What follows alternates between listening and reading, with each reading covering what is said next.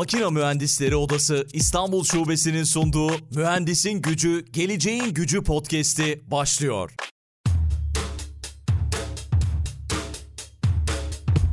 Mühendisin Gücü, Geleceğin Gücü podcast'inin yeni bölümünden herkese merhaba. Dünyadan ve Türkiye'den mühendislerimizi, başarılı mühendislerimizi konuk etmeye devam ediyoruz. Üçüncü sezonda bu kez Türkiye'den bir konuğumuz var. Form Şirketler Grubu CEO'su Tunç Korun. Kendisi aynı zamanda bir makine mühendisi. Tunç Bey de şu anda karşımda. Tunç Bey merhaba, selamlar, hoş geldiniz. Hoş bulduk, hoş bulduk. Çok teşekkür ederim beni davet ettiğiniz için.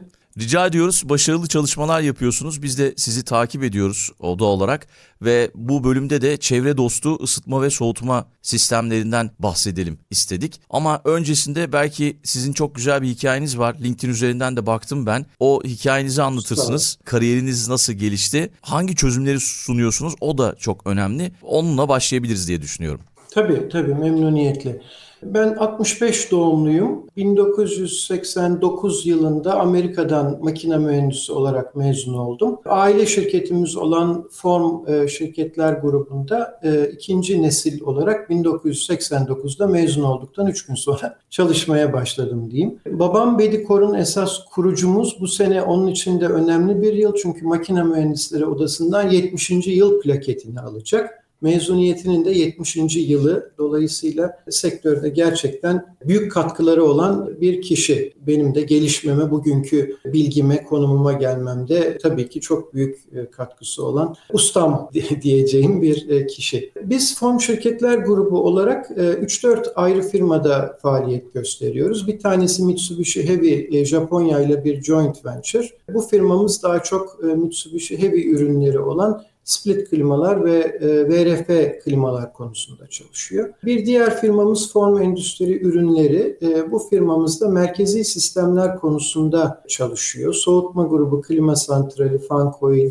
ısı pompası, e, her türlü VRF ve split klima dışındaki her türlü klima ürünüyle ilgili satış e, ve satış sonrası hizmetleri veriyor. İzmir'deki fabrikamızın bulunduğu Form Endüstri Tesisleri firmamız ise İzmir'de 14 bin metrekare kapalı alanda imalat e, yapıyor. İmalatları arasında klima santralleri, fan coil'ler, su kaynaklı ısı pompaları, ısı geri kazanım cihazları ve Lennox'la lisans anlaşması kapsamında yaptığımız paket klima cihazları yani rooftop'lar bulunmakta. Bunun dışında klima sektörünün dışındaki özellikle endüstriyel binaların çatıları için gün ışığı aydınlatma, evaporatif soğutma ve havalandırma kapakları konusunda da imalatlar yapıyor. Dolayısıyla Türkiye'de en küçük klima cihazından en büyük endüstriyel klima cihazına kadar şirketler grubu olarak her türlü ürünün kabacana birçoğunun imalatını, hepsinin satışını ve satış sonrası hizmetlerini 1965'ten beri yapıyoruz. Ee, yani 58 yıldır klima sektöründeki en eski 2-3 firmadan birisiyiz. Harika gerçekten.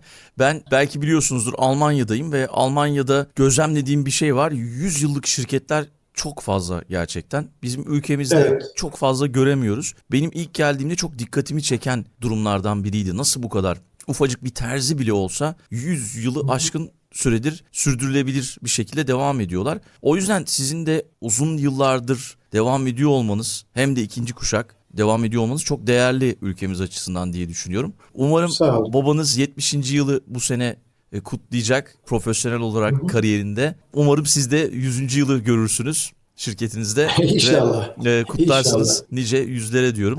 Teşekkür Doğru. ediyorum size. Sağ olun. Biz bu bölümde ısı pompalarına odaklanalım dedik enerji verimliliği üzerine birkaç yayın yapmıştık. Çevre dostu ısıtma ve soğutma sistemlerinden bahsedelim dedik. Ve tabii siz birçok şey yapıyorsunuz şirketinizde ama ilk olarak belki ısı pompası nedir, nasıl çalışır diye başlayalım. Belki dinleyicilerimize temel bir açıklama verirsiniz. Tabii.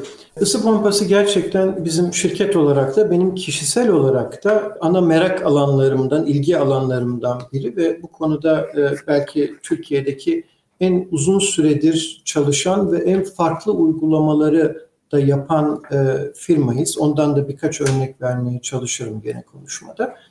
E, çok basit bir anlatımla soğutmada çalışan bir standart klima cihazının dört yollu vana ekleyerek gaz akışının ters çevrilmesi sayesinde cihazın ısıtma yapan versiyonuna ısı pompası diyoruz biz. Yani normalde bir klima cihazının aynısı sadece klimanın standart yaptığı içeriği soğutmayı içeriği ısıtma şekline çeviriyor. Standart klima cihazı iç ortamın sıcaklığını emip dışarıya atar ve ortamın soğumasını sağlar. Isı pompası kliması ise iç ortamın serinliğini emip dışarıya atar ve ortamın ısınmasını sağlar. Tabii sadece soğutma olan bir cihaz bir tek soğutma yapabilirken ısı pompası olan bir cihaz hem soğutma hem ısıtma yapabilir hale geliyor. E, bu tanımdan da anlaşıldığı gibi ne kadar farklı tipte klima cihazı varsa o kadar farklı tipte ısı pompası cihazı oluyor. Yani tek bir cihazdan bahsetmiyoruz burada ısı pompası olarak. Bunu şöyle örneklemeyi seviyorum ben. Isı pompası nedir diye farklı üç ülkede soru sorsanız genel sokaktan geçen bir insana e, farklı cevaplar alıyorsunuz. Örneğin Amerika'da yaşayan birine ısı pompası sorulduğunda aklına bahçeli bir evin ısıtma soğutma işlemini yapan, hava soğutmalı kanallı iç üniteyle çalışan split hava kaynaklı ısı pompası cihazı geliyor. İskandinav ülkesinin ülkelerine gidip İsveç'te ısı pompası nedir diye sorsanız orada yaşayanların aklına evlerindeki toprak kaynaklı ısıtma ve sıcak su temin eden monoblok ısı pompası cihazı geliyor. Avrupa'ya ya da Türkiye geneline gidip de ısı pompası nedir dediğimizde de insanların aklına monoblok ya da split tipte ısıtma, soğutma ve sıcak su üretebilen hava kaynaklı bir ısı pompası cihazı geliyor. Bunların hepsi ısı pompası ve bunların hepsi ısı pompalarının bireysel ev kullanımı.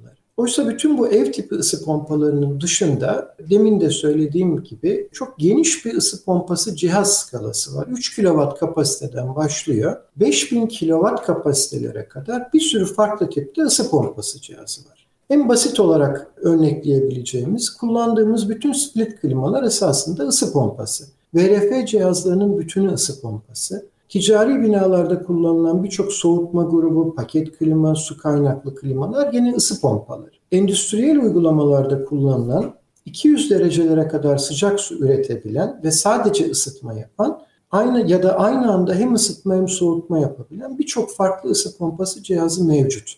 Yani ısı pompası denildiğinde esasında aklımıza hep bir ev tipi standart bir cihaz geliyor ama bunun çok daha fazlası ısı pompası konsepti çok daha geniş düşünmek gerekiyor evet.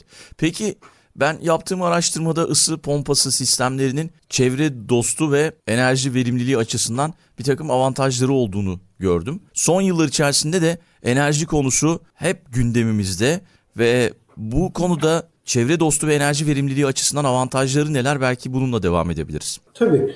E, aslında bu konuyu birkaç açıdan cevaplamak gerekiyor. Öncelikle ısı pompaları kendilerine alternatif olan fosil yakıt kullanan yani odun, kömür, mazot, LPG, doğalgaz kullanan ısıtma cihazlarına göre yani kazanlar, kombilere göre elektrik enerjisi kullandıkları için çevreye ve atmosfere daha az emisyon yaratıyorlar. Bu nedenle öncelikle tercih ediliyorlar. Karbon karbon emisyonunu azaltırken yenilenebilir enerjinin de payını arttırıyorlar ve karbon salınım hedeflerine ulaşılmasında önemli bir katkı sağlıyorlar. Genelde dünya içerisinde klasik kazanlardan ısı pompalarına geçmeye çalışmanın birincil nedeni esasında bu. Ama ikincil olarak şunu söyleyebiliriz. Birçoğumuzun yaptığı evimizi ısıtmak için gidiyoruz bir tane kazan ya da kombi alıyoruz. Sonra soğutmak için de ayrı bir cihaz alıyoruz. Split klima her odaya ya da bir VRF, mini VRF kullanıp evdeki soğutmayı sağlıyoruz. Aslında bu ikisinin ısı pompası birleştiriyor ve tek bir cihaz oluyor. Dolayısıyla siz eve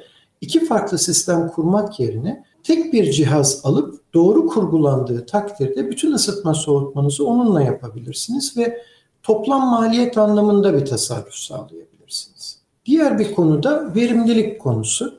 Şimdi ısıtma bazında verimliliği karşılaştırdığımızda kazan gibi klasik sistemler ile dış hava koşulları ve ihtiyaç olan ısıtma ihtiyacının teknik bazda bir hesaplanması gerekiyor. Yani burada direkt olarak ısı pompası sistemleri klasik sistemlerden daha verimlidir demek doğru değil. En azından biz mühendisler açısından öyle bir yaklaşım evet. doğru değil diyeceğim. Bunu nasıl yapmalıyız? Basitleştirmek gene de istersek e, herkes için en basit yaklaşımıyla dış ortam ne kadar sıcak ya da ılık ise ısı pompası o kadar verimli bir ısıtma yapıyor. Yani Ege bölgesini düşündüğümüzde dış ortam kışın bile eksi 10'lara 20'lere inmediği için hep artı 1-3-5'lerde kaldığı için çok daha verimli bir ısıtma yapabiliyorsunuz o bölgelerde. Hiç tartışmasız. E, dış ortam ne kadar soğuk ise o zaman klasik sistemlere o kadar yaklaşıyor ısı pompası da. Burada genel verimlilik anlamında bir ısı pompasından bahsedersek soğutma yaparken bir birim enerjiyle 3 birim soğutma,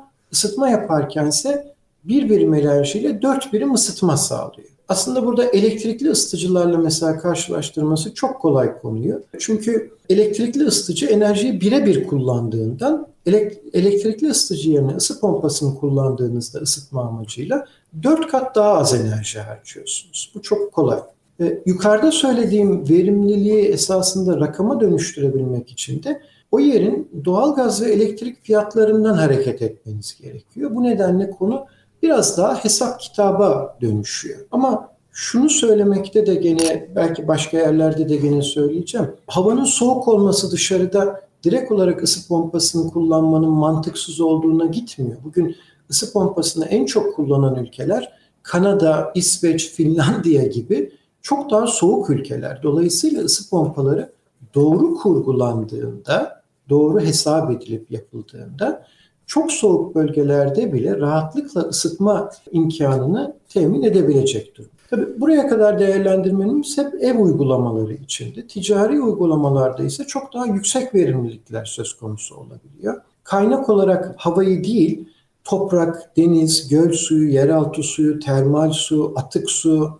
proseslerdeki atık suları kullanarak ya da jeotermal suyu kullanarak ısı pompalarını demin bahsettiğim 3-4 verimliliklerden 7-8 verimlilik seviyelerine çıkartmamız mümkün oluyor. Burada belki endüstriyel uygulamaların önemine bir çıt daha dokunmak istiyorum. Dediğim gibi biz sadece ev tipi uygulamalar değil, onun dışında kalan uygulamaları da çok fazla yapan bir firmayız. Bazı ısı pompası cihazları cihazda üretilen ısıtma ve soğutma enerjisini aynı anda kullanacak şekilde dizayn ediliyorlar. Bunlara dört burulu ısı pompaları diyoruz. Farklı adları da var piyasada kullanılan. Bu cihazlar özellikle proses gereği hem ısıtma hem soğutma işlemi yapılan fabrikalarda aynı anda iki amaca birden tek cihaz olarak cevap verebiliyorlar. Bir örnek verirsem aklınızda çok daha kolay oturacaktır. Örneğin bir çikolata fabrikasını düşünelim. Çikolata fabrikasının ilk üretim kısmı e, çikolatanın ısıtılarak bir kalıba konulmasından oluşuyor. Bu, bu aşamada ısıtmaya ihtiyacınız var. Daha sonra bu kalıba konulmuş çikolatayı da bu kalıpta kalabilmesi için soğutma tüneline sokuyorsunuz ve soğutuyorsunuz ki şekil alsın. Bu da bir soğutma cihazı ihtiyacı gerektiriyor. Normal bir çikolata fabrikası ne yapıyor? Gidiyor bir tane soğutma grubu alıyor, soğutma tünelini besliyor. Sonra gidiyor bir tane kazan alıyor, eritme kazanlarında kullanıyor. Şimdi bir ısı pompasının bir tarafında ısıtma, bir tarafında soğutma elde ettiğinizden bu ısı pompasının iki ucunu birden bu iki prosese bağladığınızda tek bir cihazla bunu hallediyorsunuz ki bu çok ciddi bir ön yatırım maliyeti getiriyor. Ama bunun da ötesinde cihazın ürettiği ısıtma soğutmayı birlikte kullandığınızda bir birim elektrik enerjisi sonucunda 10 birim ısıtma soğutma toplamı elde edebiliyorsunuz. Bu çok ciddi bir tasarruf ve bu şekilde uyguladığımız bizim Türkiye'de de çikolata fabrikaları ya da farklı fabrikalardaki prosesler de mevcut. Bunun dışındaki bir diğer önemli endüstriyel uygulamada e, ısı pompasıyla yüksek sıcaklıkta su elde etmek. Bugün artık normal ısı pompalarından bile 50, 60, 70 derecelerde sıcak su elde edebiliyoruz. Ama özel kullanımlar için 200 derecelere kadar ısı pompaları mevcut. Yani 200 derece sıcak su üretebilen ısı pompaları var. Herhangi bir fosil yakıt kullanmadan. Tabii bunlar daha maliyetli, daha özel ama 200 derecelere çıkmadan 80-90 derecelik ihtiyaçlara da 100-120 derecelik ihtiyaçlara da cevap verebilmek mümkün ısı pompalarıyla. Isı pompası sistemlerinin geleneksel ısıtma ve soğutma sistemlerine göre enerji tasarrufu sağladığından az çok bahsettiniz az önce. Bir kere bununla alakalı istatistikler ve örnekler varsa belki kafamızda daha iyi canlandırabiliriz. Tabii.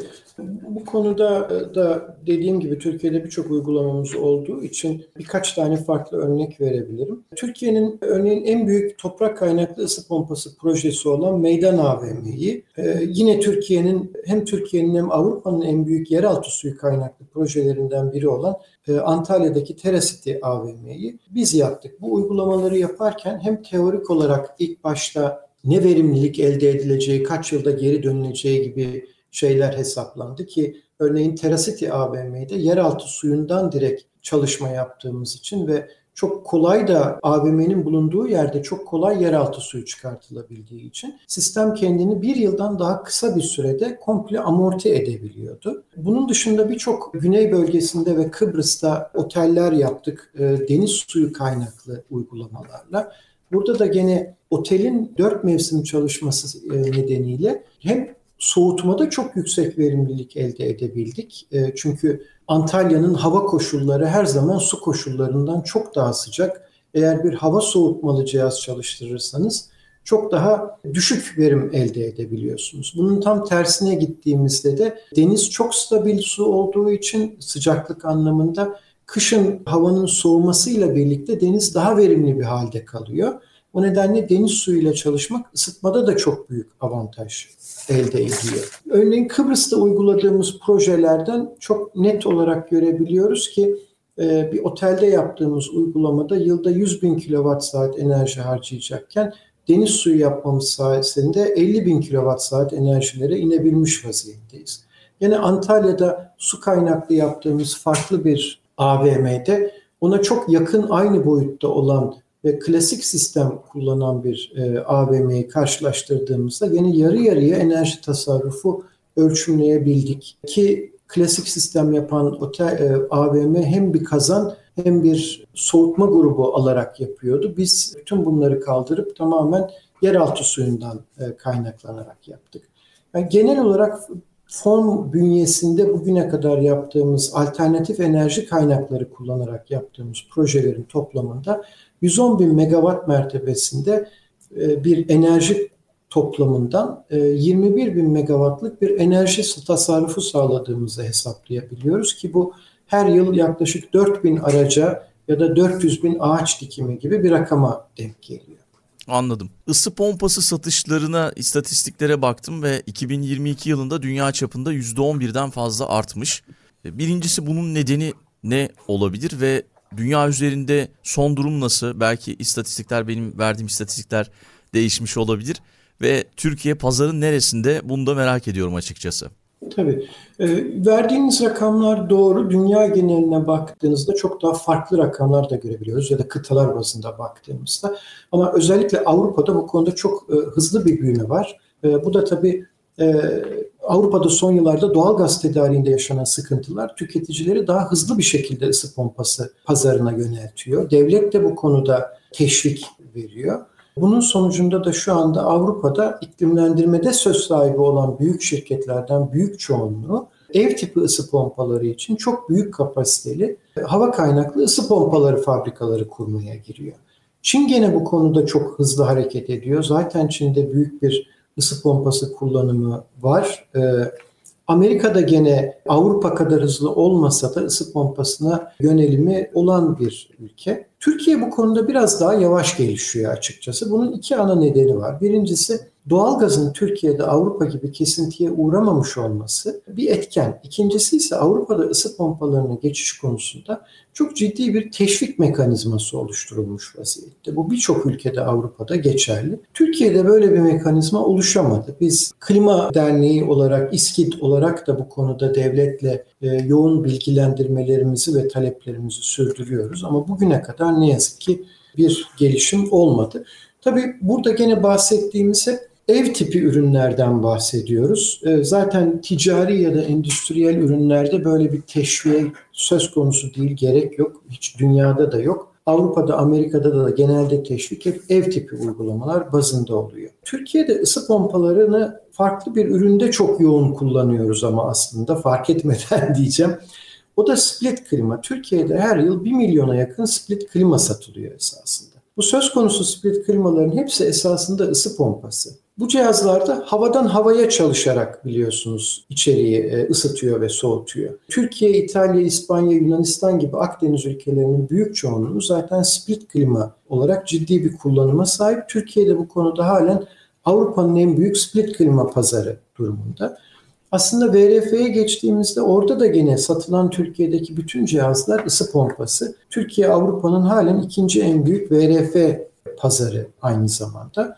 Dolayısıyla ısı pompası olarak zaten kullanmakta olduğumuz split klimalar ve VRF'leri daha bilinçli bence dizayn etmeliyiz, kullanmalıyız. Çünkü genelde bu cihazları biz Türkiye'de soğutma amaçlı seçiyoruz. Isıtmada da ne verirse o şeklinde oluyor. Halbuki ilk başta da söylediğim gibi zaten eve bir klima cihazı alıyoruz ve bu heat pump olarak alınıyor. Dolayısıyla burada seçimi daha doğru bir şekilde yapıp dış sıcaklık, evin ihtiyacı, izolasyonu vesairesi dikkate alınarak ısıtmayı da yapabilecek şekilde seçsek geriye bir ilave ısıtma sistemi almaya gerek kalmayacaktır. Burada önemli bir değişimden de bahsetmek gerek. Hani dünyada bu konu nasıl gidiyor e, diye daha kolay anlaşılması için diyeceğim. Bugün dünyadaki klasik kazan kombi yapan firmaların hemen hemen hepsi şu anda ısı pompasını satar hale geldi ve birçoğu da imal eder hale geldi. Dolayısıyla klasik sistem ısıtma yapan, firm, imal eden firmalar bile bunun bir sonu olduğunu ve olayın ısı pompasına doğru dönüştüğünü çok net görmekteler. Peki tüketiciler evlerinde ya da iş yerlerinde ısı pompası sistemlerini nasıl daha fazla kullanmaya teşvik edilebilir? Biraz teşviklerden bahsettiniz az önce. Hatta farkında olmadan evimizde kullandığımızdan da bahsettiniz ama daha fazla kullanmaya yönelik neler yapılabilir? Bunu merak ediyorum açıkçası. Evet. Bu konuda tabii görev daha çok proje uygulayıcılara düşüyor. Bir binanın projelendirilmesi nasıl yapılıyorsa ilerlemede öyle gidiyor doğrusu.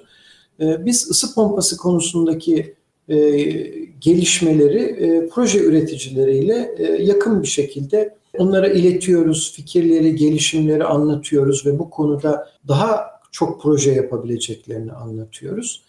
Bu avantajları anlatıyoruz. Tabii burada ana değişim bir taraftan da halkın bilinçlenmesiyle olacak. İnsanlar e, ısı pompasıyla daha kolay bu işi yapabileceklerini, daha az maliyetli, daha ekonomik yapabileceklerini anladıklarında onlar da belki talebi bu şekilde isteyip daha dönüşmeyi sağlayacaklar. Ama şu anda ne yazık ki klasik uygulamalar devam ediyor. Devlet teşviği tabii bu konuda çok önemli dedik. Yurt dışında uygulanıyor. Türkiye'de bugüne kadar böyle bir imkan ne yazık ki oluşmadı. Aslında biraz da tam tersine devletin doğalgaz kullanımını teşvik eden bir yapısı var mevcutta. Bunun en güzel örneği belki Ege bölgesi bütün ısıtmasını ısı pompasıyla yapabilecek bir yerken en küçük köye kadar Ege bölgesinde doğal gaz dağıtımının yapılmış olması hem devletin, milletin imkanlarının biraz israfı gibi geliyor bana kişisel olarak hem de o bölgelerde ısı pompasıyla daha verimli çözümler oluşabilecekken herkesin kolaya kaçıp direkt ısıtma klasik cihazlar alarak çözmesine sebep oluyor ne yazık ki. Evet yani burada o zaman daha fazla herkesin bunu bilmesi gerekiyor. Belki bilinirliği az klasik yöntemlere evet. yöneliyoruz dediğiniz gibi. Ama Doğru. işte yani mesela ben Avrupa'da bunu hissettim. Biliyorsunuz savaştan dolayı doğalgazla alakalı bir sıkıntı olacağı yönünde devlet çok fazla haberler yaptı. İşte tutumlu olalım, çok fazla duş almayalım, e, dikkat edelim, gazımızı düzgün kullanalım gibi gibi insanları teşvik ettiler ve evet. sonrasında da dediğiniz gibi yani podcast içerisinde de söylediniz alternatif çözümler üretme yolunda çabalar sarf ediyorlar şu anda Avrupa tarafında. Çünkü bağımlılık bir durum var gaza karşı. O yüzden de farklı alternatif çözümler önümüzdeki yıllar içerisinde daha önemli hale gelecek. Yaşadığınız zaman öğreniyorsunuz belki de böyle şeyleri. Yaşamanız evet, gerekiyor. Evet. Bir de hani dış etkenler hani çok kötü bir şey Ukrayna e, Rusya savaşı evet. ama böyle bir savaş ve onun e, yan sonuçları ısı pompası konusunun çok hızlanmasına sebep oldu. Belki 5 yılda kat edilebilecek süreci bir anda 1-2 senede Avrupa kat etti bunu, bu sebepten dolayı. Kesinlikle. Peki ısı pompası sistemleriyle ilgili yanlış bilinen ve yanıldığımız şeyler neler? Belki bu yanılgıları düzeltmek için neler yapılabilir? Bir önceki soruyla da söylediklerimle de bağlantılı aslında. Belki bunlardan bahsedersiniz. Aslında konuşmamızın içinde e, farklı noktalarda anlattık ama onları toparlamak istersek öncelikle ısı pompasının tek tip küçük kapasiteli bir cihaz olduğu yanlışı var sanırım. Dediğim gibi 3 kW'dan 5000 kW'a kadar birçok farklı tipte sırf hava değil deniz, göl, toprak gibi birçok farklı enerjiyle çalışabilen cihazlar mevcut. Gene konuşmada bir noktada söyledik. Soğuk bölgelerde kullanılamaz ve verimsiz denilmesi de en büyük yanılgılardan biri. Bugün Avrupa'da en çok kişi başı ısı pompası kullanılan yer İsveç, Finlandiya, Norveç gibi ülkeler. Gene Kanada, Kanada örneğini vermiştiniz evet. Miktarda ısı pompası kullanan bir ülke. Hani bu, bu ülkelerin hiçbiri bizden daha sıcak değil doğrusu, daha soğuk ülkeler. Evet. Oralarda kullanılabiliyorsa kesinlikle her yerde uygulanabilir. Dediğim gibi orada önemli olan mühendisliğin doğru kullanılması ve seçimlerin doğru yapılması. Gene e, ısı pompasını bazı kişiler sadece ısıtma ve sıcak su yaptığını zannediyorlar. O nedenle evlerine gidip bir klima sistemi yaptırıyorlar. Bir de ısı pompasıyla ısıtma ve sıcak suyu e, elde etmeye çalışıyorlar. Oysa aldıkları ısı pompası cihazı zaten soğutmayı bedavaya yapıyor bir anlamda. İkinci bir sistem kurgulamaya gerek yok. Belki son söylenebilecek de ısı pompasının sadece evlerle ilgili bir konsept olduğunu düşünmek çok yanlış. Bugün her boyuttaki ticari bina, Avrupa'da İtalya'da mesela kazan kullanılan, kazan ve split klima kullanılan binalar yerine ısı pompası soğutma grupları yerleştirilmiş. Kışın ısıtmayı, e, yazınsa soğutmayı fan coil'ler aracılığıyla yapan ya da yerden ısıtma artı fan coil şeklinde yapan binalar var. E, bizde de apartmanlar e, bu tarz uygulamalara dönebilir. Demin anlattığım endüstriyel fabrika vesaire uygulamaları cabası diyeceğim. Son olarak şunu sormak istiyorum. Bilim Dönüşüm ve Girişim Merkezi Makine Hangar, Makine Mühendisleri Odası'nın bir projesi biliyorsunuz. Bunun için neler düşünüyorsunuz ve odaların öneminden de biraz bahsedelim.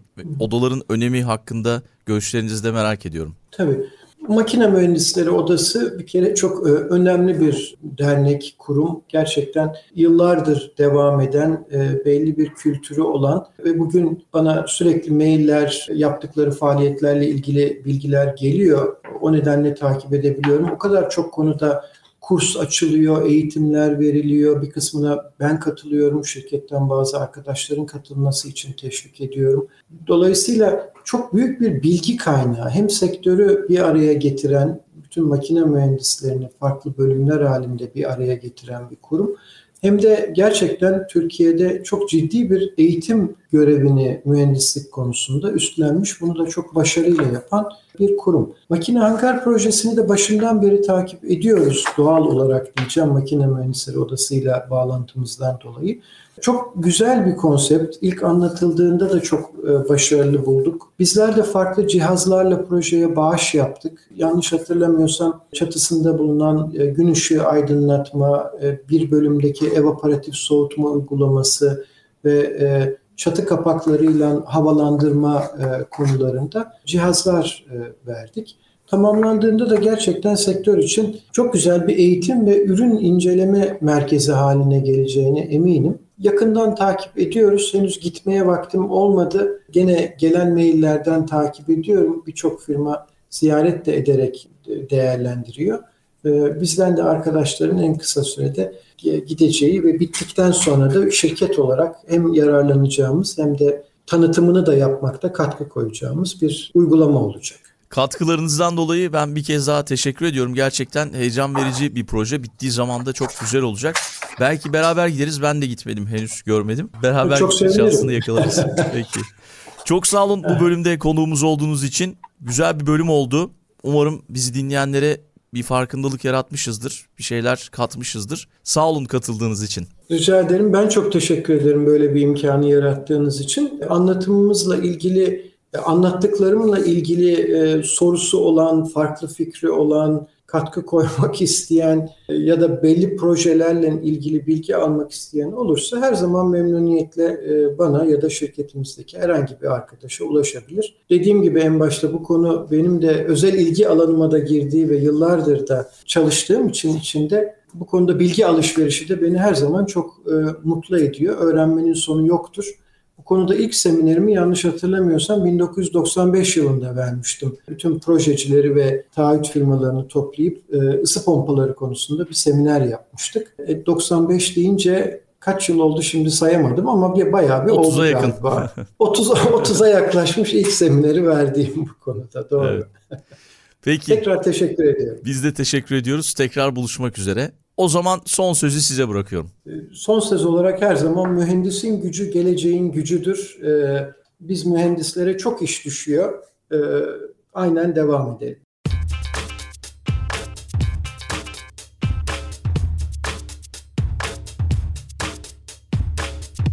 Makina Mühendisleri Odası İstanbul Şubesi'nin sunduğu Mühendisin Gücü, Geleceğin Gücü podcast'i sona erdi.